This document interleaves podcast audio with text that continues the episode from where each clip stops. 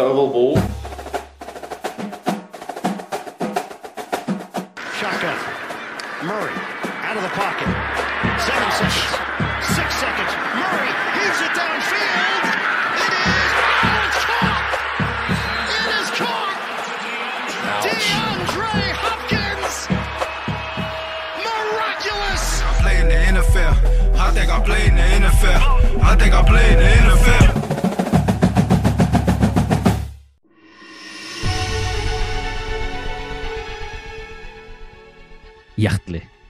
Velkommen til Oval ball.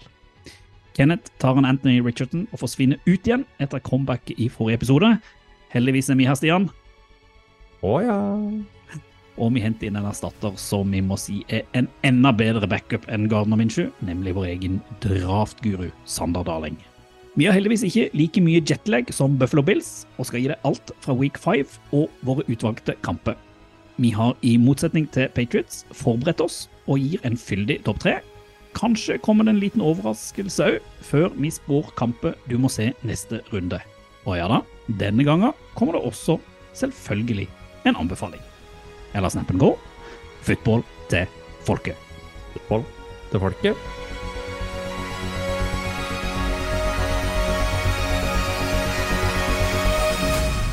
Da var det tospannet. Tospannet. Det faste. Tospannet. Det faste tospannet. Duoen. Ja. Brock Purdy og George Kittle. ja, hvem er hvem? Du er vel Jeg er Jeg vet ikke. Nei. Hvem er vi? Du er, du er quarterback. Du fyrer jo av gårde her. Eh, Du er Purdy. Jeg er Purdy. Ok, ja, men det er fint. Jeg, har litt, jeg kan like å være irrelevant. Det er bra. Jeg Tenker det er helt på sin plass. Du har jo en hårmanke, så du ja. er jo Kittel. Nei, ja, det er riktig. Likest på håret. Eh, Kenneth. Yes, manflu. Ja, det virker jo sånn. Han virka ikke Han virker ikke døden nær. Nei. Nei, han har hatt litt vondt i, i viljen, så da, ja, Mm. da måtte han holde seg vekke fra zoomen mens han satt og ja, ikke hva han gjør for noe, ser på NFL på TV-en eller noe, mens han lat komme seg unna ungene for å være i fred. Det er greit. Det, det får han bare gjøre. Det får han gjøre. Ja. Du da? Livet? Livet. Eh, nå, eh, det var jo høstferie forrige uke. Å ja, du har drevet sånne greier. Du har Ja, liksom så hatt fri og sånn. litt sånn, ja, litt fri og litt uh, studier og litt jobb, eh, faktisk. Det ble det. Skryter på meg at jeg bare hadde ferie. Men jeg hadde liksom tidenes sportsskjegg. For det vi har snakka med ungene nå, er at de har jo eh, blitt ordentlig glad i å se på sport. Og de ser rundball på TV. Ja, Eh, på lørdag så var vi først på trening med han eldste, og så var det egentlig fotball på TV fra eh, vi var ferdig med fotballtrening til eh, jeg gikk og la meg. Da avslutta jeg med college. For kona var vekk, og da var det bare vi som styrte på. Gutta styrte. så på det. Ja, ja, de satt ved siden av meg i sofaen hele tiden. deilig. Rund ball først og collegeball etterpå. Ja, og så avslutta vi jo den helga da med Red Zone i går. Ja, For kona var vekk i går òg?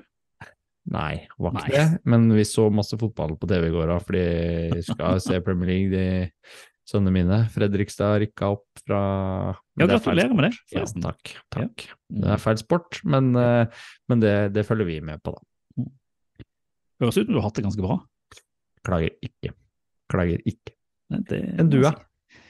Nei, altså, det, det, det skjer jo ikke så mye nytt, eller, men jeg kom iallfall inn til storbyen på lørdag. Vi besøkte noen venner inne liksom i, på Sagene der, så jeg fikk eh, liksom oppleve hvordan det var. Ja, i Gryta. Det var deilig å være litt i Gryta. Fint vær og gå rundt og føle at man var litt urban igjen når man bor litt ute på bygda her. Så det ja, var det er trått der. jeg er jeg trådt der. Også, apropos da, fotball på TV. En, eh, min eh, sønn er jo bare Han er ikke fylt fire engang. Han fyller fire om en måned.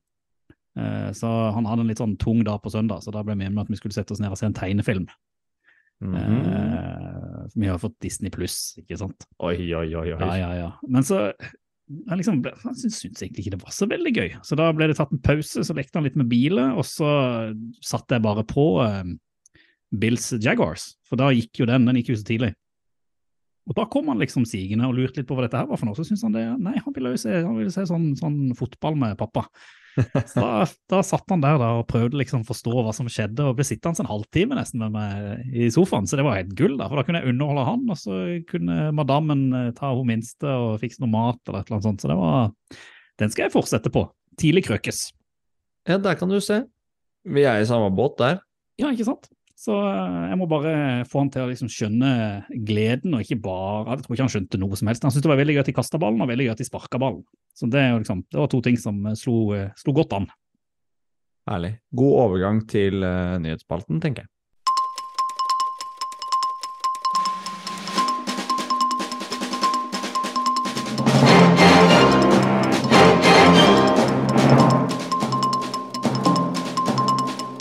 Det har til og med skjedd litt grann i NFL, som ikke bare dreier seg om uh, fotball den siste uka. Og kanskje den største nyheten er at uh, den største kontraktsagaen i preseason endelig har fått en, en ende. Uh, Stian? Ja, det har det. Eh, Jonathan Taylor, running back i Colts, som egentlig starta eh, Gjorde ikke det med hele det running back-furoret vi må få mer penger-kampanjen, eh, som endte med at det var bare Jonathan Taylor som ikke har egentlig tatt på seg cleats og spilt eh, match til nå denne sesongen. Har vært med på preseason og gjort seg bemerka. Han var vel litt skada òg. Man, man var usikker, men det virker vel som at han var skada reelt òg, at ikke det bare var tull. Å ja da. Og nå har han vel skjønt at ikke han fikk eh, alle de grunkene han eh, kunne tenke seg, men han fikk i hvert fall en treårskontrakt. 42 millioner dollar. eh, og det er jo bedre eh, enn det han hadde sist.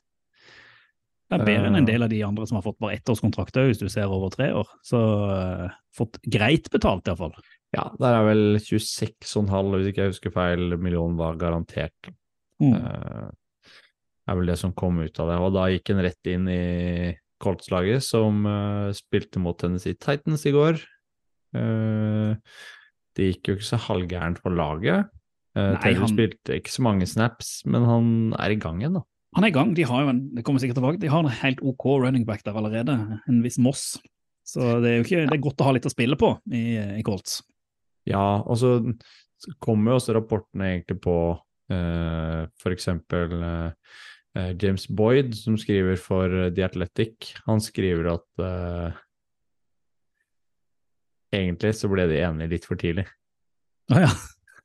Fordi Jim Mersey, eh, eieren i Colts, tenker jo kanskje han hadde trengt å bruke mindre penger eh, seinere. Eh, hvis han hadde venta enda lenger for å få han inn til å spille. ja, ok. Det er jo et poeng, men han Ja. er i hvert fall i gang, Jonathan Taylor. Han er jo en super running back når han er i form. Mm. Da er han jo fort eh, topp fem i ligaen. Men, Ja, Den sesongen for to år siden var han jo topp én. Så men vi må jo tilbake dit for Mm. å se han i virkelig form igjen. Da. Så vi får se om han kommer dit igjen nå når han får lagt kontraktsdisputasen uh, bak seg. apropos legge. Ja. uh, Det har kommet litt kritikk. eh, London Games hylles jo fra alle, eh, men det har kommet litt kritikk, og det er det underlaget på denne Tottenham Hotspur eh, Stadium. Eh, Er det bare bitre tapere, eller er det, ligger det noe i det, tror du, Stian? Mm, altså, det underlaget på Tottenham Hotspur Stadium, eh, det ser jo veldig fint ut på TV, men det skal visstnok være ganske slitt, eh, tynt og lett å skli på eh, for spillerne. Og vi så jo i løpet av kampen i London i går, eh, for oss som så det, så og fikk med seg den, så ser man flere spillere sliter med å få fotfeste.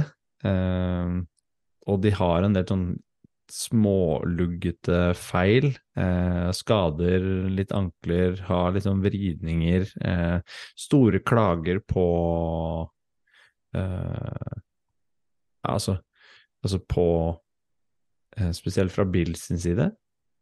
Og nå har jo vi Det har vært et tilbakevendende tema hos oss, da, eh, når vi har diskutert eh, underlag og skader, og at det er mye skader i NFL om dagen. Eh, vi konkluderte vel med at det er sånn hvert år, da vi snakka om det i forrige episode. Men likevel så hoper det seg opp nå. Vi skal jo ta en liten gjennomgang før vi gir oss med, med spalten her nå. Og underlaget i London på stadion til Tottenham. Kan jo ha sin del av skylda for eh, Det er ikke det var hovedgrunnen til at Matt Milano brakk beinet, men eh, de, Bills ble jo, altså Det var en del skader. for Det var ikke bare Milano som røyk, ut, det var en del sånn småskader og folk som forsvant i løpet av kampen òg for, for Bills. Jeg skjønner jo at de, de må jo skylde på noe. Uh, og Kanskje vi bare kan hoppe litt over i det. for det, det er jo ikke bare vi som sier det nå. Nå hører vi det på litt andre podkaster at det er veldig mye skade i år. Uh, kanskje mer enn man er, man er vant til. Og denne runden så så det er jo varierende alvorlighetsgrader med Khalil Herbert uh, ute. Uh, Daniel Jones måtte forsvinne i kampene, så han er vi usikre på når kommer tilbake. Quarterback for Giants. Mm. Matt Milano, som du sier, i Bales knakk beinet. Ut ja. resten av sesongen, regner vi med. Anthony Richardson har det kommet meldinger nå om at han fikk noe skulderskader ute i alle fall en måned for, uh, for Colts, så det er jo synd. Han har akkurat kommet i gang. Fire til seks uker er vel det han har ja. fått. Uh, og så var det en stygg syk skade i Panthers Lions med Savala, som måtte ut med sånn nakkebånd. Uh, men han hadde visst gitt tommelen opp eller noe ja, på vei ut. på vei ut. Uh, mm. Der ble jo kampen stoppa ganske lenge mens de behandla han på banen, før de mm. fikk han av. Uh, og da har ikke jeg sett en ny oppdatering på han, men der tas det vel uh, mye bilder og ting skal gjennomgås. Ikke heller sett noe på, på, status der, så, men sikkert ute iallfall en periode, om det i så fall bare er hodet. så mm. Hjernerystelse og, og sånn. Uh, Mosley, cornerback i Lions, ute. Tank Dell, hjernerystelse. Kan du si Mosley? Han røk jo ACL i fjor var det vel, eller to år ja, ja. i venstre korsbånd eller mm. venstre kne. Nå tok han høyre kne, samme skade. Uff, stakkar, stakkar. Så, så, han er vel ute da eh, for sesongen? Det er vel sesongen, så vidt jeg har skjønt, ja. ja. Tank ute med jernrystelse, så han er iallfall ute en kamp. Eh, McCarry, left tackles i Ravens, er ute. Jeg vet ikke hvor lenge, eller hva som skjedde der. Eh, men i alle fall eh, skada. Og så har du sånne sånne spørsmålstegn. For man så Justin Jefferson eh, hinka litt av mot slutten for, eh, for Vikings. Der er man eh, hva som iallfall ble sagt i pressekonferanser, sånn, så virker det ikke som at de trodde han kom tilbake med en gang. Eh, så han tror jeg kan være ute noen uker. Mm. Eh, Travis Kelsey, NFLs største stjerne for tida, forsvant jo ut med en uh, ankelskade. Men han kom jo tilbake igjen og skåret en touchdown for, uh, for uh, Chiefs. Men det kan jo plutselig gjøre litt vondt i dag. Så teiping av den ankelen der, så kan det plutselig være ganske kraftig opplegget. Ja, ikke sant. Og så fikk jeg vite eh, nå nettopp at han eh, fantastiske rookie running backen, og så må du, er det A-Chain Akane, altså hva kaller man det for noe? Han er han er Dolphins. A-Chain, kan du si. Vi kaller han A-Chains. Han, sliter iallfall uh, med kneet, så han er òg tvilsom at han får spille neste, neste runde. Så det, det, tømmes i rekkene, altså. Det gjør det. Uh, og det er ikke turf som er årsaken til alle de skadene vi ser nå. Men det er mange skader. Det er mm. stor slitasje og heavy, heavy matchups som uh, man ser hver uke på mm, banen. Uh, noen er jo mer uheldige enn andre, men det, det, det gås til, og folk uh, får smeller, ass. Det er en brutal og voldelig sport vi følger med på. Ja, altså det, det, ender jo opp med at egentlig det laget som har minst skade, kan stå best uh, rigga til å vinne, vinne Superbowl. Fordi du, du, kan være fullstendig rigga, og så får du to-tre skader på de mest uh, dominerende spillerne du har, og så er du egentlig ferdig. Jeg tenker det er et uh, kjempepoeng. og Man har sett f.eks. Ravens de siste åra har slitt veldig med skader når man har kommet utover. De har også vært ganske skadeutsatt nå i, i starten av sesongen. Mm. Så 49ers i fjor som plutselig bare ble rippa ut av skade og mista egentlig det fortrinnet de hadde med den stallen de hadde. Ja, og nå har de jo klart å holde f.eks. Christian McCaffrey skadefri. Eh, mm. Det er jo vanvittig viktig for dem. Og, og, de laga som du skal, ikke, du skal, i hvert fall ikke under, undergrave det poenget med å holde de beste skadefrie. Det må man for å henge med når det er såpass tight som det er, og nesten alle slår alle. Det er sant. Kenneth hos oss er jo eh, skada. Det er kanskje mer mentalt enn det er fysisk. Nesten, Mest, ja. Men jeg tenker kanskje, skal vi ta en kort pause og så heller hente inn eh, vår Garner Minshew, bare gange syv? Kjempeidé.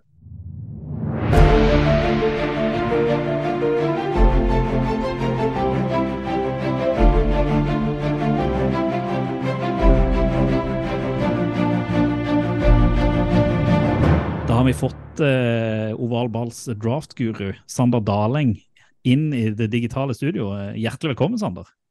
Ja, takk. Det er jo lenge siden sist. nå. Ja, hva, hvordan går det? Hvordan går livet? Det går generelt egentlig ganske bra. Uh, fått reist utenlands og starta praksis og blitt syk og ja. Hele Hele smørbrødlista? Ja. Praksis Ja, hvor langt har du kommet i studiet nå? Er det fjerde året? Nei, tredje året. Så det er fortsatt langt til mål, altså. Oi, oi, oi, to år til. Du får tid til å se litt fotball og sånn òg, eller er det Altså, at man er fulltidsstudent er jo litt uh... Ja, det er ikke helt fulltid. Det, det, blir, det blir mest sport og eh, litt, eh, litt skole. Det blir litt Madden. Ja, det har det blitt mye av i det siste. Kos meg, kos meg grovt med Ja, fantastisk. Jeg har ikke turt å kjøpe det nye ennå. Eh, men det er vel rett rundt hjørnet. Kjenner jeg mine barn eh, rett òg. Eh, men vi skulle hatt deg med tidligere, og ikke, vi skulle hatt med noe ekspertprat. Ikke bare noen uh, vås som vi holder på med til vanlig. Men vi, vi sliter jo med å få det til å gå rundt. Vi er jo ikke studenter lenger. Hadde vi vært det, så tror jeg kanskje vi hadde kunnet spilt inn hver dag. Uh, Ja, da hadde det hatt mye vås i hvert fall. ja, det hadde det. Det hadde det. Men vi må, vi må jo prate litt, eh, litt fotball òg. og det vi tenkte egentlig nå, at vi, skal, vi går litt kjapt gjennom de kampene eh, med Stian valgte ut eh, forrige pod. Kenneth driter vi. Han hadde Rams Eagles, så den får eventuelt ligge. Og så tenker vi at du rett og slett etterpå, når vi har gått gjennom kjapt våre, skal få lov å velge eh, en valgfri kamp du kan prate litt om, i alle fall. Sånn at vi går litt i, i dybden på. Men før jeg da går inn på min kamp, Stian, så hadde vi en konkurranse eh, i ovalball. Eh, vi ja. eh, ba folket der ute tippe resultatet i den kampen jeg valgte mellom eh, Texans og Falcons. Og det vi eh, kan jo avsløre allerede nå, det var at det var ingen som traff. Ingen som tippa det resultatet riktig. Eh, Men siden du er kommet inn her, Sander, så skal du få lov etter jeg har prata noen få ord om kampen, være med og trekke allikevel en vinner som får en oval ballkopp. Eh, Det tenkte vi vi skulle gi det æren av, eh, sånn at de òg kan skylde på det, da, de som ikke vinner. Det gjør det mye lettere for oss. Eh, Er ikke det greit, Stian? Det er helt supert. Eh, og vi, du trenger ikke å stresse med dette, her, Sander. Dette er kjempelett for deg å velge. Eh, og for du eh, Ja, du skjønner etterpå. Helt anonymisert. Men vi, vi tar, kan ta noen ord, for det endte jo da med at Texans vant med ett poeng. Eh, eller to poeng var det kanskje over, over Falcons. Eh, 21-19, om jeg ikke tar helt feil. Det er jo dumt når jeg ikke husker resultatet sjøl. Eh, men det var iallfall eh, Hva kan man si? Tre-fire takes utenfor den kampen. Jeg syns CJ Stroud enda imponerende, men ikke så imponerende i den kampen der. Endte med fire field goals fra for Texans i, i red zone, hvor de kunne, hadde han vært litt mer presis og litt mer på, fått noen touch, touchdowns, selv om han leverer i slutten av, eh, av kampen. Eh, jeg syns Falcons sitt forsvar står opp like bra som de har gjort i alle andre kamper. Men det som kanskje er det viktigste, er at Desmond Ridder leverer sin uten tvil sin beste kamp for Falcons, og plutselig begynner å strø pasninger og løpe litt og, eh, og levere. Eh, som gjør da at de greier å vippe det eh, til sin favør i, i slutten. og eh, jeg hadde jo egentlig trodd at Texan skulle vinne den her litt sånn nesten med blowout, sånn som Falcons har sett ut. Men eh, Desmond Rid- Ridder har jo da ennå ikke tapt en hjemmekamp i sin profesjonelle, profesjonelle karriere, eh, innså jeg. Og den statistikken står. Så eh, kanskje litt, litt overraskende, men kanskje man kan vel si da Texans ennå er et lag in the making. De er ikke helt der oppe og, og, å levere kamp for kamp, men eh, eh, det var en spennende kamp. Det ble jevnt. Avs eh, selvfølgelig avslutta han kicker ett sekund før slutt. Eh, så det var jo ganske artig, selv om ingen traff på resultatet. Men så nå tenkte jeg bare, Stian, nå skal du forklare Sander hvordan han skal få lov å trekke vinnere av konkurransen. Yes, Sander. Vi, vi starter rett og slett med at uh, vi, har, eh, vi har tre plattformer hvor folk, da, folk har sendt inn svar på konkurransen, og hvor de tipper resultater.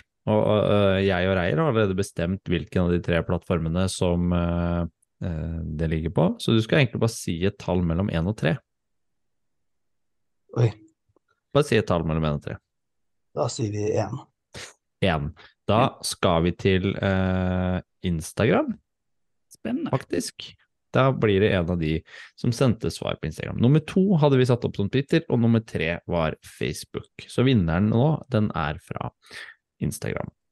Og da skal du si et tall mellom én og fire. Da fortsetter vi å si én. Én. da er det faktisk eh, Hedli Berg Nilsen som er en eh, heldig vinner av oval ballkopp. Eh, etter resultatet da fra oval eh, etter i Falcons mot, eh, mot Texans. Han tippa at Texans skulle vinne 26-20. Eh, det var bom. Men det var ikke så bom. Vi hadde jo en, den det morsomste tipset vi fikk inn. Eh, vi kan ta det først. Det var vel en Nå husker jeg ikke hva han het som la inn det. Jeg må se om jeg finner det her i farta.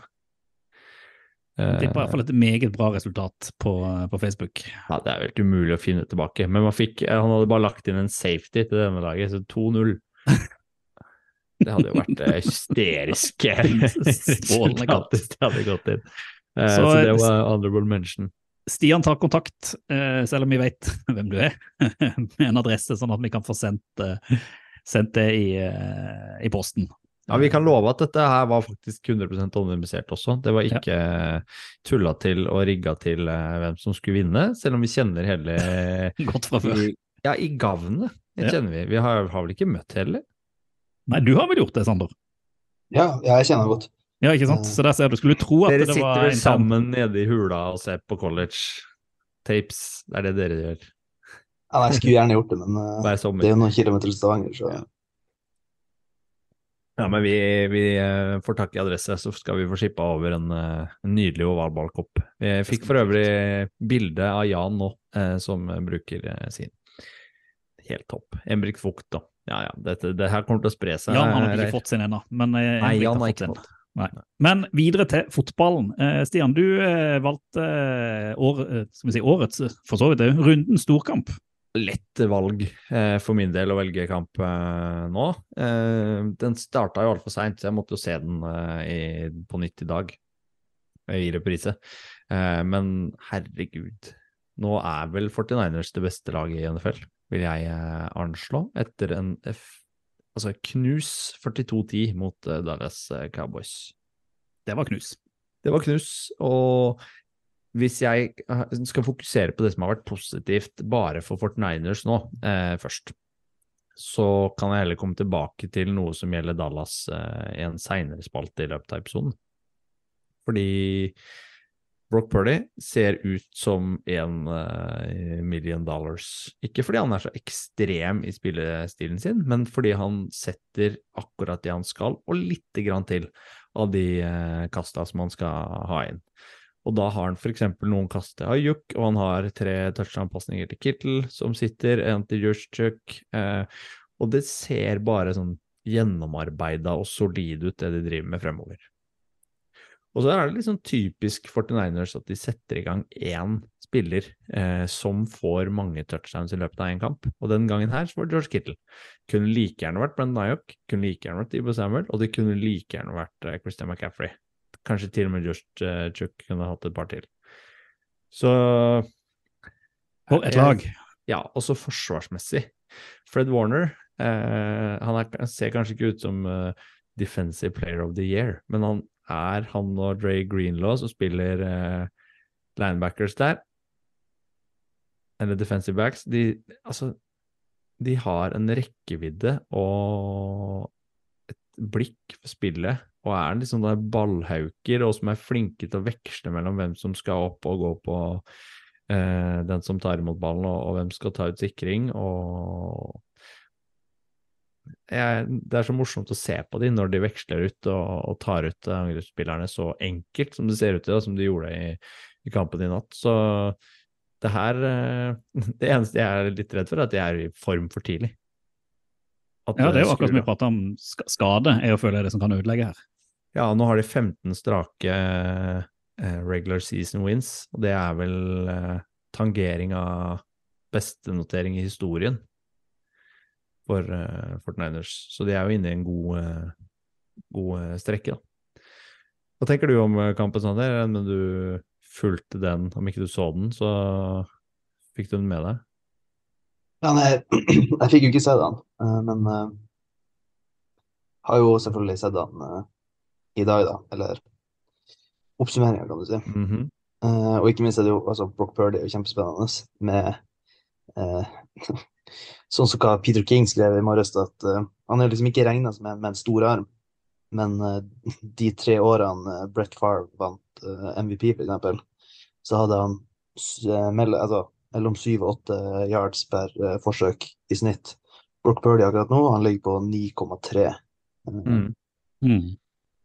Og han er jo en av de eh, mest eh, ja, treffsikre quarterbacksene i ligaen, og han, han er jo en vinner, da. Ja, han De, står jo eh, virkelig frem når det smeller. Ja. Ja, han har spilt, han har sta, eller det er 13 kamper hvor Purdy har spilt eh, mer enn tre quarters, og da er 49ers 13-0. Så eh, nei, så lenge han holder seg skadefri, så tenker jeg at både 49ers er eh, det beste laget i NFL, og fort Jeg blir ikke sjokkert hvis han plutselig vinner MVP etter sesongen. Det hadde Det vært, er hadde vært så fett, det. Jeg tror de tør de det. Eh, Ja. Jeg vet ikke, nå har vel Christian McCaffrey kanskje spilt seg inn i det nå, selv om ikke han hadde en touchdown nå, så har han en del runs og en, er, er så maskin, liksom. Det overrasker meg at ikke han blir skada på noen av de løpa som han eh, kjører i gang. Ja, det er det som er skummelt med han. Han har vist at han blir skada jevnt og trutt, så ikke Men så lenge de har alle de våpnene de har, så skjønner jeg ikke hvordan lag skal klare å stoppe det angrepet der. I går så bytta de jo til og med ut uh, Christian McCaffrey og satte inn på Mason, uh, som Ja. leverte en kjempeperiode da han kom inn også, og har flere rushing yards enn det, det mm, McCaffrey står med i løpet av kampen også. Det er det som er at uansett hvem som springer bak den, eh, eller i den Shanahan-schemen, så er det jo farlig. Men det er har du Leila Mitchell også, som ikke får spille noen ting. Så det er har han liksom, skada. Han var vel på benken i går? Han hadde vært småskada, iallfall, tror jeg. Ja. Men, eh, det er vel sånn nå at det er, liksom, er det 3. desember eller noe, det er Eagles mot 49ers. Altså, Mm. det, er da, det, det ser liksom så stabilt ut at det kanskje først der de blir testa. Hvem vet. Men uh, for å hoppe litt videre, da. for nå, Apropos Eagles og Rams, det var jo Kenneth sin kamp. Den uh, får han prate om uh, der han ligger med, i febertåka. Eh, men har du noen kamper du eh, liksom plukk, Hvis du skulle plukke ut en av de andre kampene fra runden, Sander, eh, som du ville sagt noen ord om, som du syntes var kul? Ja, eller Kul og kul. Jeg havner jo dessverre mest eh, inne på Steelers mot Ravens på søndagen der. Det, ja, en uh, på mange måter skikkelig dårlig kamp. Men uh, det er jo helt fantastisk hvordan Ravens klarer å liksom bare gi vekk det som er en helt opplagt seier. Igjen! Uh, Igjen. ja, på nytt igjen. Mm. Den Colts, eh, etter den Colts-kampen de spilte i Week 3, så var de jo helt klare på at det her skal aldri gjenta seg igjen. De kommer aldri til å gjøre så mye feil. Ja, nei, og det, ja, det er helt utrolig. Eh, Jeg hørte en statistikk på det med at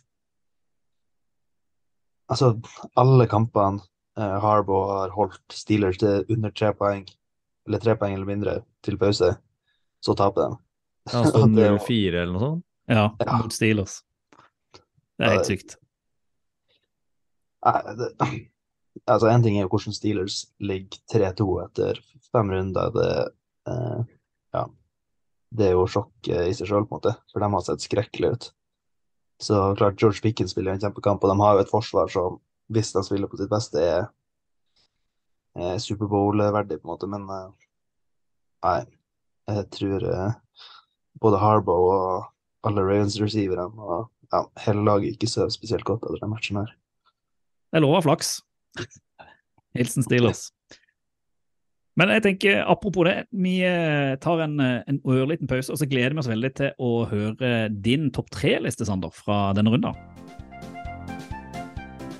Topp tre. Tre topp. Oval vals, topp tre. Topp tre, og uh, vi er høflige, Stian, er vi ikke det? Ja, midt på tre. Kommer an på. Vi, vi, vi, vi prøver oss, da. Gjesten skal jo få lov til å forsyne seg først, og da tenker vi at gjesten skal få lov å presentere først. Så, eh, så Sander, vi eh, gleder oss jo litt til å høre hva du eh, har plukka ut fra denne runden. Om du er litt flinkere enn Kenneth til å liksom forstå konseptet med topp tre og tre ting, og, ja, og ikke blande inn masse andre ting. Eh, Jeg bare si, så- jeg er Han er flinkere enn Kenneth. ja, han er flinkere enn Kenneth. Jeg måtte bare liksom prøve å være ja, høflig. Så du Ja, kan få lov lov å kjøre på. Ja, nei, jeg plukka ut eh, topp tre skal si, tankevekkere etter eh, Kanskje ikke akkurat denne runden, men sånn litt eh, bare headliner med den runden som har vært nå. Eh, og da kan vi starte med nummer tre, da, at eh, eh, Nei. Eh, Sam Howell og Daniel Jones har til sammen blitt, sek eller har blitt sekka 29 og 28 ganger hver etter fem uker. Og det er mer enn både det Brady, Goff, Mahomes og Lawrence hadde etter en full sesong i fjor. Eh, Det er jo fantastisk. det, ja, vi er jo glad i statistikk, og NFL-statistikk eh, overrasker jo alltid. Ja, Det- jeg, Helt leste- absurde tall. Det er helt ville tall. jeg leste en sånn hvis, hvis Sam Howell er, fortsetter i det sporet han er på nå, så slår han eh, bestenoteringa til Derek Nei, til, hva heter han broren til Carr? Han heter eh, Eh, David. Ja, David Carr. Han er den som har sacka mest i løpet av denne NFL-sesong. Jeg tror han er på 78 eller noe sånt i løpet av en sesong, for han ble tatt på hele tiden. Eh, og så hadde han en sesong på 74. han hadde to sesonger som var krise. Men Sam. Howell eh, han havner godt opp på 90-tallet, hvis han fortsetter med samme streaken som han er i nå. Ja, det er helt, eh, helt Det går jo ikke an! Nei, det er jo Jeg syns jo han ser frisk ut, men eh, det er jo spennende å se om han i det hele tatt står oppreist når sesongen er over. Til å gi seg halvveis. Det er, jo ikke nei. Og Daniel Jones på andre sida der, hvor eh, Ja, han, er jo, han ble jo skada til slutt nå, så så det ut som. Ja. Så, Ja, eller ble ja, han ikke bare Ble han Han ble skada, eller ble han tatt ut? han, ble tatt, han var skada og tatt ut, eh, men om han det godt mulig han spiller neste runde. Han må være sånn at du faker en skade etter hvert, at du blir lei av å ta de hitsa. Ja, det må være noe der som gidder ikke eh, mer. Han må være forbanna. Bra, Ja. er bra, bra start på lista, Sander. Hva, hva er neste? Neste er jo det jeg kommenterte tidligere i uka om eh, ja, VM i dårlig eh, general managing. Eh, hvordan Bears, eller GM-en der, Ryan Poles, tradet bort det som til syvende og sist ble verdt et førsterundevalg for Chase Claypool, og trada han vekk uh, under et år etterpå for en eh, swap av hva han gir et syvende og får et sjetterunde tilbake. Det, Det er litt som å veksle inn en 20-kroning i to tiere. det, det er jo akkurat det det er. Eh, Nei, det er helt eh, det er fascinerende eh, dårlig eh, og Ikke minst så så ser det ut veldig bra bilde på hvordan ting endrer seg veldig fort i, eh, i ligaen også. Um, der du kan, Chase Claypool var ikke verdt eh, valget i fjor, men han var jo betydelig mer Det har vært mer enn det han egentlig gikk for nå, kanskje, men ikke akkurat per eh, dags dato, etter hvordan han skal ha prestert eller fremstått i garderoben, da, som litt sånn uproff eh, sutrekopp. Så eh, jeg er spent på hvor lenge både han, eh, treneren til Bears blir sittende, og han, Ryan Poles, da, som er GM. Det er sånn klubbdrift, så er det ikke Det er ikke kjempesterkt. Altså. Spør du Stian, så er jo uh, Eberflus coach of the year, så uh, det det De snur jo nå, nå vant de jo fint mot eh, Commanders i Thursday Night Football. Jeg merker, Eh, akkurat her følte jeg, og du sitter jo hjemme med en eh, Åssen drakt er det du har hjemme? En sånn Steelers-drakt? Åssen navn er det står bakpå der? Ja, faktisk en Claypool-drakt. Helt hysterisk, vet du. Ja, Ah, Jeg vurderer ja, å beholde. Den er fortsatt, den er fortsatt verdt Den er verdt mer enn det sjette rundevalget. Ja, altså, faktisk. Men det, det skal sies, det, Han leverte jo kjempegodt eh, den ene sesongen i altså, Skal vi kalle det breakout-season han hadde i, for eh, to år siden? Ja, når han var rookie, så var han Ja, kjempegod. ja, ja, spiller. helt kanon. Eh, og nå, eh, nå gikk det også noen rykter om at han kanskje skulle få spille tight end i eh, Dolphins. Eh, men han er jo en wide receiver som ikke er så veldig glad i å blokke. Nei, han liker jo ikke å skitne til hendene sine. Så, Nei, eh, men den der fordelen av Mike McDaniels kan jo få han til å se bra ut. da. Ja, så, Den fysikken han har, er jo veldig, veldig overførbar til, eh, til resten av det laget der. og så er det noe, ja, veldig sånn komplementær til de andre receiverne de har også. Litt Ja, annen du har- type. hvis du har Tyreek Hill på skuldrene til Waddle, så vil du fort eh, fortsatt være lavere enn Claypool. Så Ja, ja. det, Nei, det kan vel bli en fin brikke der, men eh, uansett så kommer Bears veldig dårlig ut av det. Agreed. Da gleder jeg meg til din førsteplass, Ander. Nei, og Førsteplassen er òg en eh, bare hoderystende eh, statistikk, og det skal jo videre til eh, Miami Dolphins, selvfølgelig. Som så langt denne sesongen har i gjennomsnitt 111 yards mer per match enn det neste laget i ligaen. Og det er helt altså nå er Det er litt- vilt, det. kunne jo dratt opp den kampen i stad, men uh, Dolphins mot Giants altså sånn, Det ser ut som, eh, det ser ut som Madden-fotball de spiller. Det er liksom bare De leker jo. Ja, de gjør hva det. man skal si engang. Det, det, det angrepet der ser så vanvittig bra ut. Og så spilte de ikke en spesielt god kamp heller, syns jeg, Dolphins. Altså, Nei, de rotet Men, det jo bort på mange Ja, ja. vis med pick six og ja, generelt bare Mye uflaks, da, på en måte. Men allikevel så er det ikke noe Så er det ikke noe ja, Det er liksom ikke noe tvil uansett, da. Uh, Altså får de inn en hurtighet med de begge receiverne sine, og han uh, Hvordan uttaler du det? The chain? The, the chains? A-chain. A-chain? A-chain? A-chain? Ja. A-chain, ja. Men uansett, han er jo skikkelig kul å se på. Så det laget der, Mostert i tillegg, altså de har noen våpen på det. speed. Mhm. Og så, og så hjelper det jo veldig at uh, Mike McDaniels er den kuleste headcoachen i ligaen også. Ja, det, det er jo sånn, Han, men det er hver gang altså, Det er Napoleon Dynamite hver gang han uttaler seg. Det er en sånn der, For de som ikke har sett det, så er det bare å gå inn og se Napoleon Dynamite-filmen hvordan han prater, og så sette opp Mike McDaniels rett ved siden av. Det var vel Kenneth som kom med den. Og jeg ler hver gang han uttaler seg nå, for det er bare det jeg ser for meg. At det er han som sitter der og trener et NFL-lag. Han hadde jo en kjempe kjempeuttalelse nå etter helga. Altså. Han hadde blitt, det hadde blitt påpekt at de har satt NFL-rekord for mest yards eh, i løpet av første fem eh, kampene i sesongen. Og da svarte han bare at eh, ja, mission accomplished. At det var drømmen deres hele offseason. Å smadre poengrekorden etter fem. Det er så gøy. Type. Ja, det er helt er fantastisk. Herlig. Eh, Reir, din liste. Hva, Ja. hva slags tema har du gått for nå? Jeg har kalt han Ai Ai Ai Coco Jumbo. Eh, og egentlig er tanken at har da plukka ut en liste hvor eh, jeg finner tre kamper hvor i utgangspunktet alle lag prøvde å ta på kampen, eh, men det var bare tre av de som fikk det til. Eh, og på tredjeplass så har jeg plassert eh, Thursday Night Football mellom Commanders og Bears. Bears prøver jo i hver eneste kamp de har gått inn i denne sesongen å, tape kampen. Eh, og de prøvde her òg, men her var det rett og slett at Justin Fields var egentlig ganske, ganske god, og de hadde et forsvar som var leverte på høyt nivå, mens Washington Commanders de fortsatte der du nevnte. Eh, Sam Howell eh, sacka, eh, kaste interceptions, rote det bort, fumble. Altså et fullstendig makkverk av en kamp fra eh, Commanders, som da blir liksom overkjørt av det dårligste laget i, i, i NFL. Så bare med det så får de den, den tredjeplassen.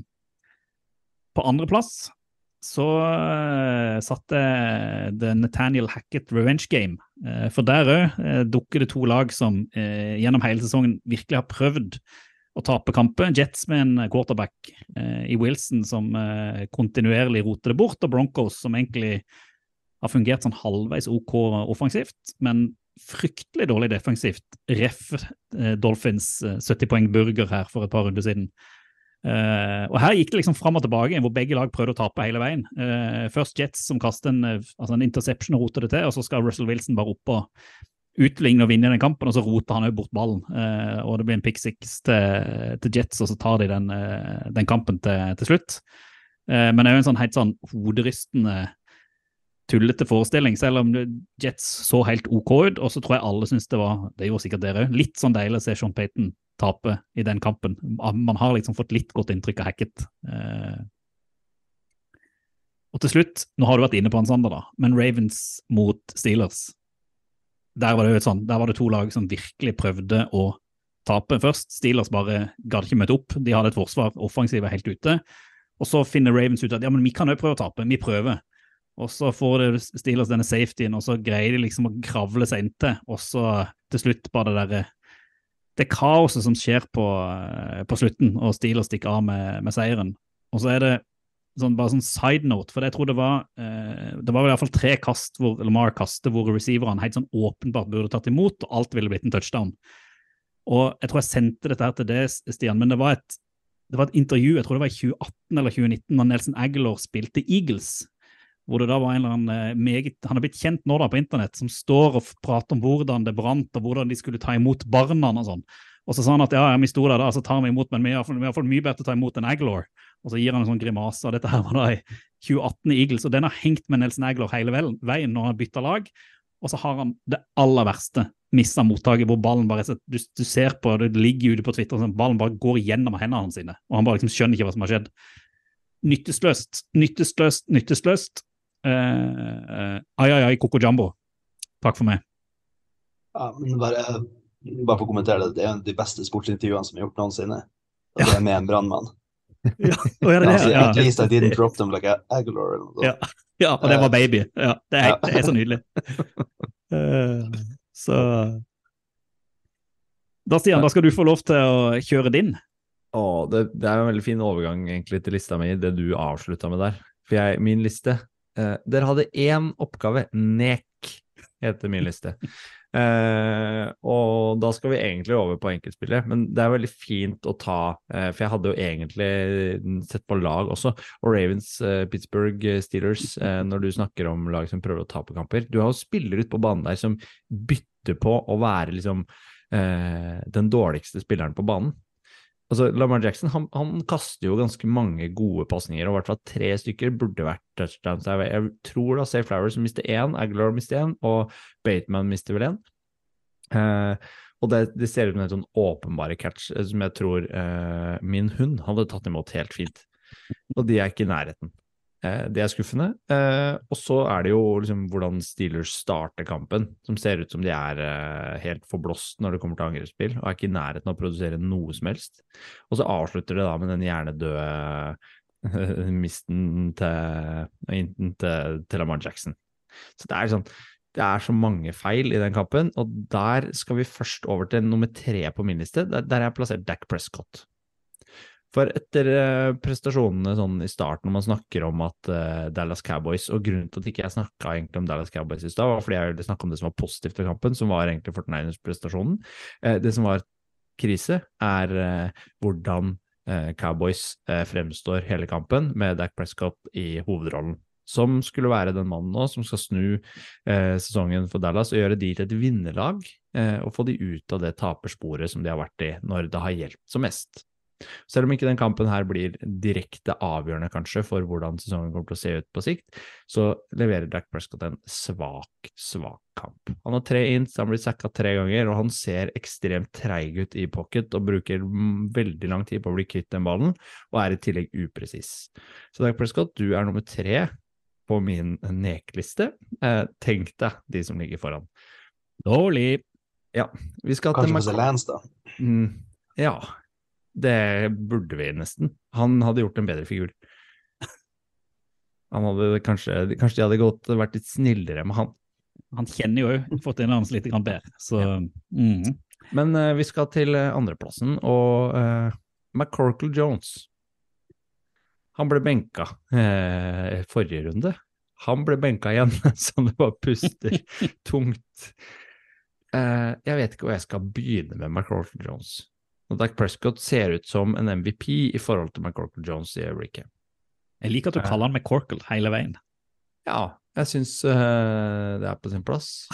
Jones uh, Litt som en mamma som er sur på sin sønn. Men McCorkle! det er skuffende, fordi han har egentlig hatt kamper hvor han har sett ut som noe, og så klarer han ikke å levere opp til det. Nå kan man si at han kanskje ikke har de beste våpnene rundt seg, men sånn som, eh, sånn som han leverte i går også, hele Patriots-laget var egentlig avslått, og når de taper 34-0 hjemme mot et Saints-lag som er helt middels, så er han ikke nærheten. I går så hadde han to interceptions, han ble sacka to ganger. Han setter bare 12 av 22 forsøk og er egentlig ikke produserende for det Patriots-laget, samme som han var forrige uke. Han måtte gå og sette seg på 31-0 eh, og det gikk ikke veldig mye bedre da Bailey Zappi kom inn etterpå. Så McCrockle nå eh, ser det vel ut Nå tipper jeg han blir sittende, igjen. Tanker? Nei, jeg tror han kommer til å spille neste. Jeg tror eh, det der eh, Det er en synkende skip, det der Patriots-greia. Eh, så der tror jeg Ja, tror jeg Bill til slutt forsvinner. Dessverre. Heldigvis. Jeg vet ikke hva man skal si. Ja, det er vanskelig å, å si noe Altså, Bailey Zappi er ikke noe bedre, så det tror jeg Bill også ser. Altså, nå husker ikke helt hva han sa, men han hadde, han hadde et ganske avslørende svar sist pressekonferanse etter uh, den ble blåa ut uh, sist uke òg. Mm.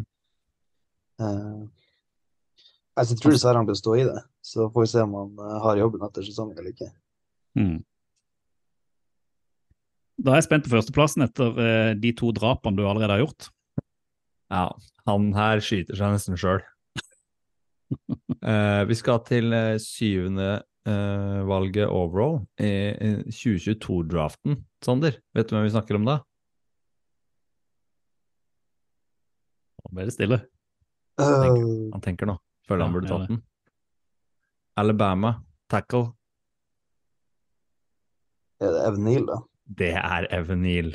Mannen på 201 og 155 kilo. Han skal egentlig spille tackle i NFL. Akkurat nå så er han en stolpe som bare står stille og ikke produserer noen ting. Det er en eh, video som har gått rundt på eh, sosiale medier, eh, hvor du ser Evan Neal eh, skal dekke opp sin eh, pass rusher ytterst på høyresiden eh, til eh, Jones. Og her er jo hovedgrunnen til at Daniel Jones får så mye juling. Ehm, han, Evan Neal, han er mer opptatt av den spilleren som liner opp foran eh, right guard, altså spilleren innafor. Så når passrusheren tar fart, så er ikke Evan Neal i nærheten av å se på han spilleren, så han rusher bare rett forbi og banker Daniel Jones i bakken. Han flytter seg nesten. Det er nesten sånn 'velkommen inn', det var hyggelig at du kom på besøk'-aktig Ja. Evel Neal sin. Litt sånn du eh, slipper inn julenissen på julaften. Vær så god, kom inn, stig på, ta for deg. Ikke noe problem. Så um, det er helt fantastisk dårlig hvordan han har prestert. Um, og bare for å ha noe liksom bakgrunn PFF er jo ganske flinke på å sortere ut uh, tall og gir ganske gode uh, graderinger på spillerne og prestasjoner, og de dekker jo opp det meste av det spillerne gjør på banen. Evenil han er nå ranka som den 71. av 72 tackles i NFL på de prestasjonene han har levert. Og det skal sies at spilleren på et lag som er det, ifølge PFF, da, det dårligste offense uh, i hele ligaen. Harabud, Stian. Harabud. Så ja, tre nek på min liste.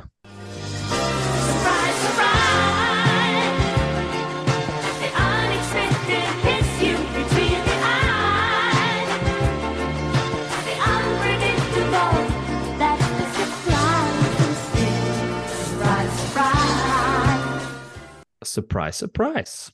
Uh, den første er ikke helt surprise, for den hadde vi avtalt litt på forhånd, og det er greit når vi skal uh, i gang med, med noe som uh, Du liker å gjøre.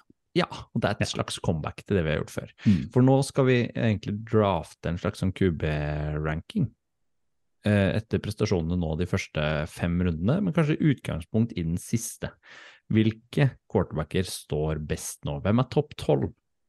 Skal- Da betyr det at vi skal velge eh, fire hver, men det går på rundgang. Så det betyr jo at eh, Sander, som er eh, hedersgjesten, eh, og snart fast inventar, tenker jeg, for Kenneth kommer vi til å fase ut. Eh, du skal få begynne, og så er det Reir, og så er det meg. Så er det Sander og Reier og meg igjen. Så går det liksom rundgangen på hvem man velger, og så får man til slutt en liste. Jeg skal prøve å skrive underveis, så at vi får den eh, lagt opp her. En Sånn. god pedagog, Stian. Yes. Yes. Så Sander, du kan velge. Hvilken quarterback vil du ha øverst på en slags eh, ranking nå, eh, etter uh, første fem rundene av NFL? Eh, Nei, altså jeg må vel, eh, må vel stå i det jeg sa i stad, så jeg sier eh, Brock Purdy. Mm, Den, den er god. Den er god. Den er god. Jeg Den liker er den. sterk, Ja. den. Kan man kalle årsakene hva man vil, men eh, så langt denne sesongen så har han vært den beste. Mm. Ja, jeg Ja. syns det er godt, godt levert, jeg. Etter denne runden her spesielt, så kan jeg kjenne at den er ikke dum, den, altså. Nei, og så Er er det det der? Er det Ja. ja, altså jeg syns jo det- De har jo liksom ikke vært over, altså overlegne, men jeg syns Patrick Mahomes har vært så god. Altså Han har redda egentlig Chiefs gjennom hele fem første rundene, utenom det, ja, for så vidt det tap mot Lions, at han eh, allikevel skal være høyt, høyt, høyt der oppe. Eh, så jeg setter han på en andreplass. Og, og den jeg velger eh, Jeg hadde Kenneth eh, blitt glad, men jeg skal ha Tua på nummer tre. Eh, for jeg syns han eh, gjør akkurat det han skal. Selv om ikke det er han som er den standout-spilleren i Miami-angrepet, så leverer du relativt solid når du setter poengrekord på poengrekord eh, med Dolphins. Mm. Da skal du få lov igjen? Nei, da følger jeg på med en uh, Kanskje ikke vært så god i innledninga, men uh, de to siste rundene har vært veldig gode. Uh, og det er da Jalen Hurts i Philadelphia Eagles. Han fortsetter rett og slett der han slapp i fjor. Ser, eh, ser bunnsolid ut. Ja, Mm. jeg burde jo hatt Josh Allen her, men jeg syns at eh, når de drar til London og glemmer å sove, så, så mister han femteplassen. Og da Ja, eh, hva, hva skjedde der, egentlig? Ja, Hvordan kan de dra inn så seint når de veit at Hvorfor, hvorfor dro de ikke liksom etter forrige kamp? Ja, for han, eh, han kommer nok lenger, men når han bommer første runde og bommer her, så kommer han ikke på lista. Men da må jeg ta en som sikkert ikke fortjener å være så høyt, men jeg er blitt så glad i Jared Goff. Han er liksom clutch for det Lions-laget. Han gjør akkurat det han skal gjøre. Han er på en måte sånn Brook Purdy nummer to. Passer perfekt inn i det offense. Eh, fortjener den femteplassen ut fra hvordan Lions har vært eh, så langt i sesongen. Ja, og da er jo Det er nærliggende å tro at vi skal til Josh Allen kanskje på neste, men jeg har, jeg har lyst til å hoppe over han. Bare fordi han tapte duellen mot Trevor Lawrence i går, så har jeg lyst til å ha Trevor Lawrence foran Josh det. Allen på den lista. Elsker det! Jeg liker hvordan, hvordan Trevor Lawrence er på vei til å spille seg så varm i den Jaggers-trøya, sammen med sin gode venn eh, Doug Peterson på calling-lista på sida. eh, og han gjør seg fortjent til eh, first overall pick, sånn som han har fremstått nå eh, fra helvete under eh, dansekongen Urban Meyer. Så Lawrence nummer seks.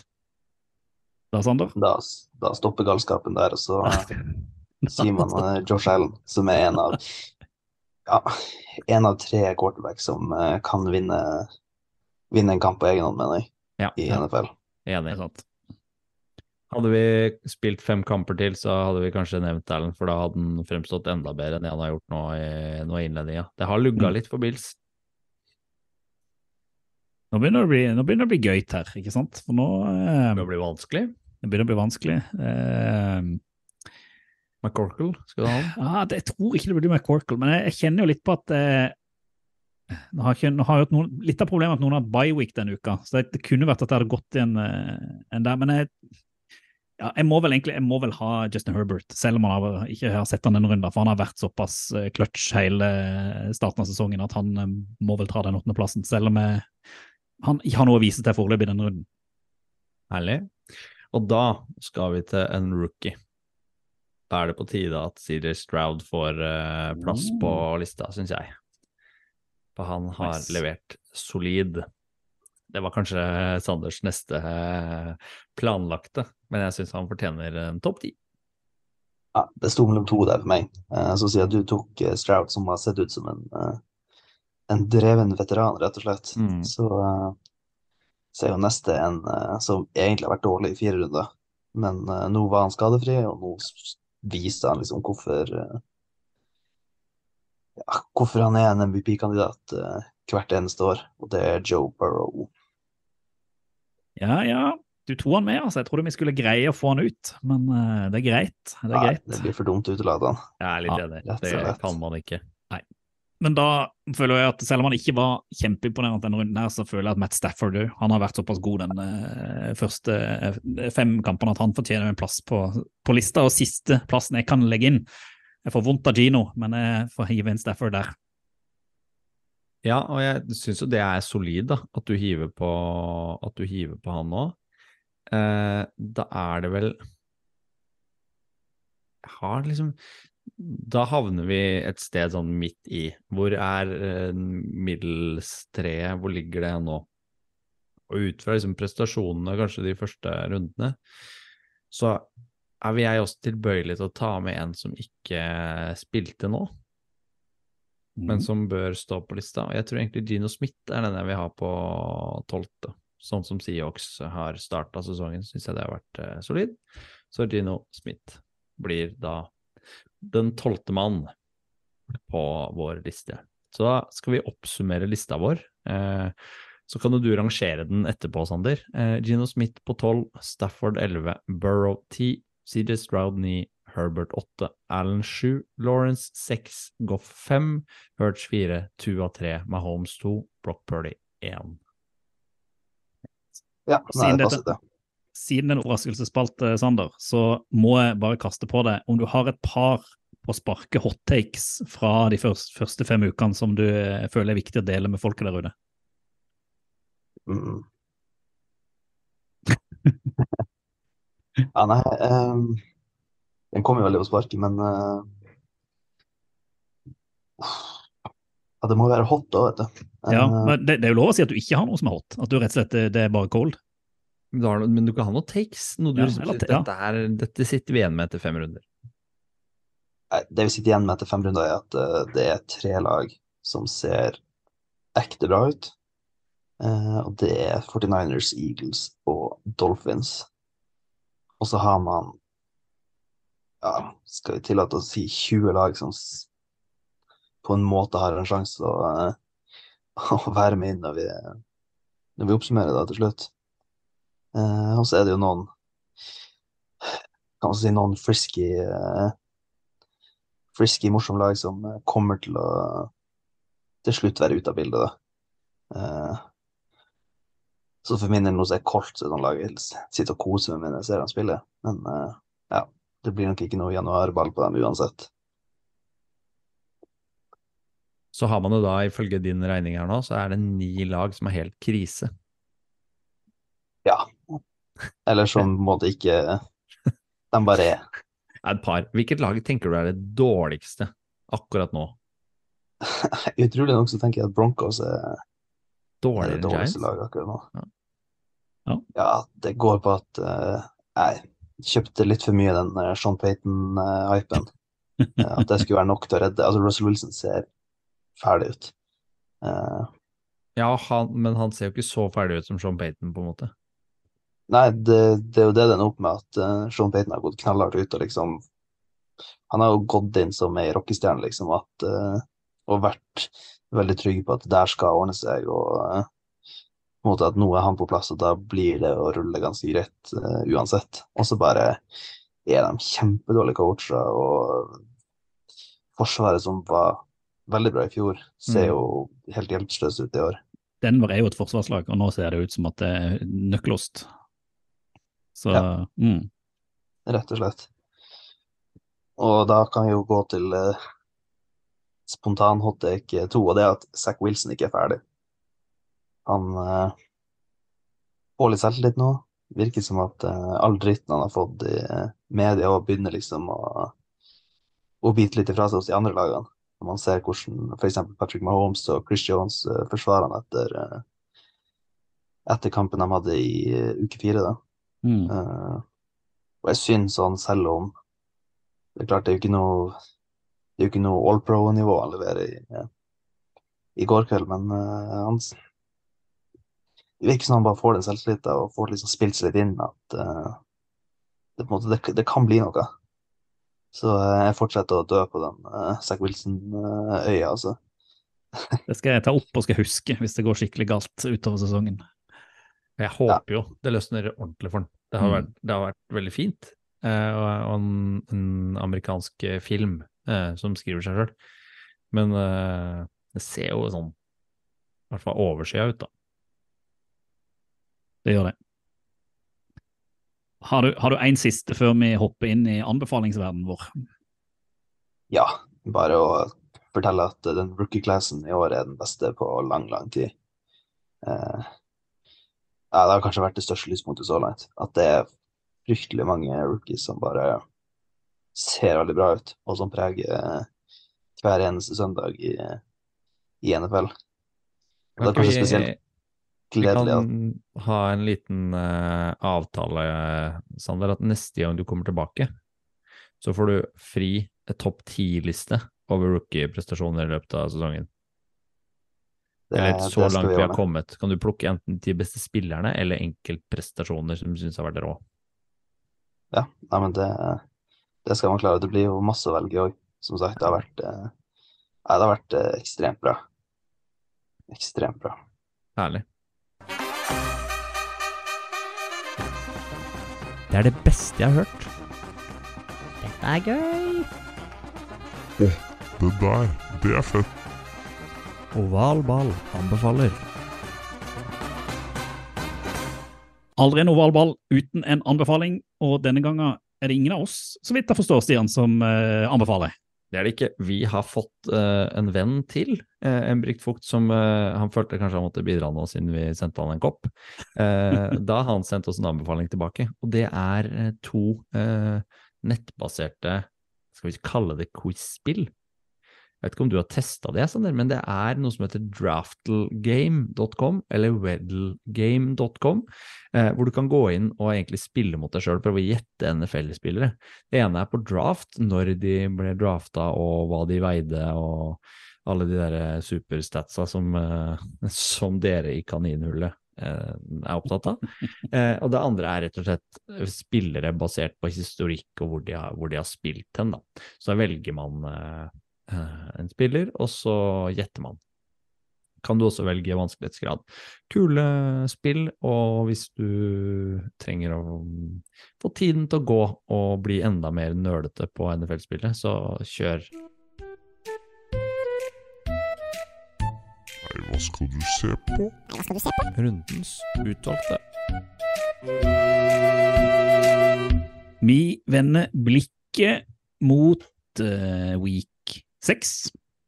Det er jo en av litt uh, lag og sånn som har bye, så det er ikke fullstendig full runde, men det er likevel ganske mye artige kamper. Og jeg prøver meg igjen, Stian, på sånn høflighetsfrase. Vi lar gjesten få lov til å komme først inn. Så hvis du skal plukke ut én kamp, Sander, som du mener folket bør eh, se i eh, runde seks, hva syns du det bør være? Da tar jeg to lag som eh, vi fortsatt tar litt spørsmålstegn rundt. da. Eh, Dallas Cowboys mot uh, LA Chargers. Det er dessverre Monday Night Football, altså det er kanskje ikke så uh, football til folket, men uh, Det priser tidlig på morgenen. Det er veldig til folket. ja, og i hvert fall uh, La oss kalle det informasjon til folket, da. Folkeopplysning eh, til folket. Folkeopplysning er helt eh, Det er helt riktig. Ja, men jeg, som sagt, det er to, eh, to spørsmålstegn. Jeg tror eh, Chargers tar det. Rett og slett for at Herbert er så mye bedre enn Dak Prescott akkurat nå. Jeg tror den der Dak Prescott-selvtilliten fikk seg en knekk nå mot uh, Niners. Jeg tror han har trodd at han er bedre enn det han viste på den banen. Uh, og jeg tror, som deg, at uh, Herbert knekker den. Jeg tror jo dessverre motsatt. For Chargers har et såpass dårlig forsvar at jeg tror ikke de greier å presse Prescott godt nok. At han får litt mer tid og kan gjøre en OK jobb. Og så har jo Cowboys et forsvar som har en tendens til å dukke opp ganger etter de blir knust. eh, Ergo Arizona og, videre. Så jeg tror nok Jeg håper Chargers vinner, men jeg tror Cowboys vinner. Så kan du si jo at uh, altså det Cowboys-laget er jo vant til å spille mot uh, Kellen Moore sitt offense òg. Mm. Det har de jo gjort på trening hver dag i tre år. Så eh, det blir nok en Eller er en spennende faktor å se, da, hvordan det slår ut. Det gjør jeg. Stian, du skal få lov til å gå nummer to, tenkte jeg. Å velge kamp? Ja. Så gøy. Ja. Eh, jeg tror at jeg skal se eh, Det er jo London-kamp igjen, Mm. og den kampen skulle jeg egentlig vært på. Hadde egentlig billetter i hånda, gikk ikke opp den gangen her. Å se Ravens mot uh, Titans. Litt bittert, det. Jo, litt bittert var det. Eh, og sett uh, Derrick Henry og sett Åh. Lamar hadde vært noe. Eh, OBJ kanskje hadde spilt. Say Flowers. Mhm. Ja, og hockey så ut som en million i helga, så Oh, DeAndre òg, ja. Det er sånn. Ja, ja, ja. det var godt å se han tilbake igjen. Mm. De hopp er fin, vet du. Ja, ja, ja. Eh, Så jeg tror egentlig jeg velger den kampen. Ja. Fordi den, det er jo fotball til folke-matchen også, når den går halv fire på søndag ettermiddag. Ultimat. Ja da, så den Til landslagspausen også. Ja, det er helt nydelig. Da må du, må du benke deg og se på noe av det beste NFL har å by på av enkeltspillere. da. Syns jeg var et uh, godt valg. Jeg har jo lyst til å si at drit i Norge-Spania, den går vel, går vel rundt samme tid da som red zone, iallfall sånn litt ute i red zone. Da syns jeg heller du skal sette deg ned og se eh, kanskje the return of eh, Joe Burrow mot Dino Smith, Seahawks mot Bengals eh, i fotball til folketid klokka sju. Eh, det kan gå skikkelig, skikkelig dårlig for Bengals. Det kan gå skikkelig, skikkelig dårlig for Seahawks, men det jeg håper det er at du får to sånne ultimate offense mot to sånn helt OK defense, og så får du en ordentlig blowout på begge sider, en sånn 45-50-kamp. Det hadde vært eh, dritkult. Men eh, vi får se. Jeg tror iallfall det blir kjempegøy å følge den på under, uh, under Redson. Og så uh, syns jeg vi skal heie på oval ball foran rundball akkurat den søndagen, selv om jeg skjønner at det foregår noe rundball på Ullevål eh, samtidig. Men det siste Altså, og det hvis- viktigste Hva sa du, Sander? Nei, jeg bare sier at hvis uh, Sørloth startet som høyrekant for Norge igjen, så blir det veldig enkelt å vite hva man skal Ja. putte på skjermen. Seahawks mot Bengels, med andre ord. Jeg er ikke interessert i runde der. Jeg skal se på alt. Ja. Eh, men eh, det viktigste av alt er at Kenneth skal jo få en kamp hvis han dukker opp neste gang. gang. ja, Og- jeg og jeg, ga jo, jeg ga jo kamp med kjærlighet sist. Eh, jeg har skjønt at det skal vi kjøre denne gangen, sier han. Absolutt ikke. Eh, jeg tenker jo det er en kamp som, eh, som eh, skinner seg ut, som å være litt trå. Ja. Liksom motbakkekampen eh, kommende runde, det er Patriots mot Raiders. Å, nå er du god! Ja. Det tenker jeg er um, uh, Game Week 6 sin vorte. Uh, vil jeg kalle den kampen. Den skal du få, Kenneth. Da, men, da må du sitte åpent. Nei, Han kommer, det, som, det som vi vet kommer til å skje, er at ikke han gidder å se den, og ikke gidder å følge med, og så ser han en recap på ti minutter, og så forteller han om hva han så. Eller så Ja. gjør han ikke det og sier det er noe dritt. Eller så kanskje han faktisk gjennomfører nå, fordi han skylder oss såpass. Jeg syns det er deilig at han får bort det. Det var en god, god beskrivelse. Og det er sagt i TV, men det burde han stå i. Han burde jo det, når ikke han møter fordi han er syk. Ovalball. Fotball til folket. Da kom vi oss gjennom denne uka og eh, akkurat litt sånn som Colts, som eh, ikke falt på trynet når Richardson måtte ut, så føler jeg vi har holdt oss eh, meget flytende når Sandra har kommet inn. Vår egen Gardner Minshew, eh, som jeg sa før du kom her. eh. Kenneth er i hvert fall ikke poddens uh, Richardson. Det er Nei, helt klart. Det er et godt, meget godt poeng. Han eh, ligner vel mer McCorkle ut fra dine analyser, eh, Stian. Kjempetreff du har her, Even Neal. Så det, det er det ovalballs i Zappis, Martine. Det er Ja, det- Det er fint, men, men eh, som, som Stian sa, at vi, vi må jo invitere deg tilbake både for å diskutere rookies, men òg vi og Stian har jo fått en sånn der lørdagssyssel som vi eh, har pratet altfor lite om. Det at vi hver lørdag uh, har en tendens til å finne fram et glass vin når uh, iallfall min unge har lagt seg, og så setter vi oss ned og ser collegefotball. Uh, så vi må få deg tilbake når det liksom blir litt mer varmt eh, der og nærme seg eh, Fikk du med deg kaoset som var i Åh, hva var det laget? Som ikke klarte å avslutte kampen, men i det Ja, det var Miami, var det ikke det? Med, som eh, Ja. skulle bare take ni, og så mister de ballen, og så får de en touchdown i trynet isteden. Mange sekunder var det igjen? Nytteløst. Det var i hvert fall sånn hadde de tatt ni, så hadde de vunnet den kampen. Ja, det det fikk jeg med meg. Det var Så vi må Ja, er diskutere litt litt sånn, collegefotball òg, tror jeg, før uh, vinteren kommer. Det, og se litt på draftklassen og hvem man skal eh, Hvem som går liksom i Heisman-retning. og Det er jo mye quarterbacker for eksempel dette året, som er spennende å prate litt om. Som folk òg trenger å vite litt om. Ikke det ja, bra, en fin ja. klasse som kommer nå. Så. College spesial, og Ja. en, en liten sånn topp ti av rookies også fra, fra Dalengen. Ja, Det tror jeg blir en nydelig spesial.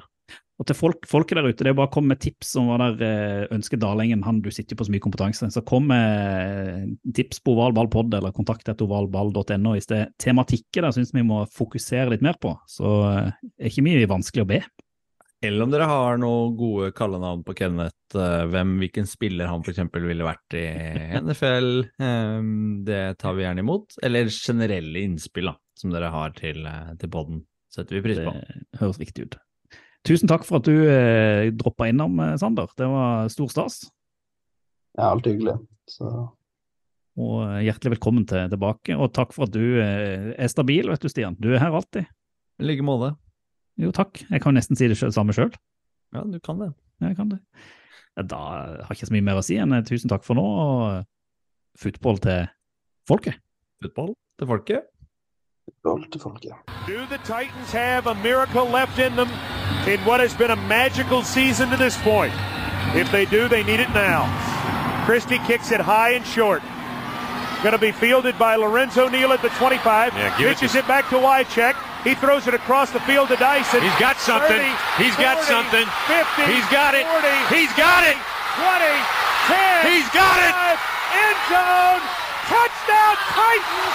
There are no flags on the field.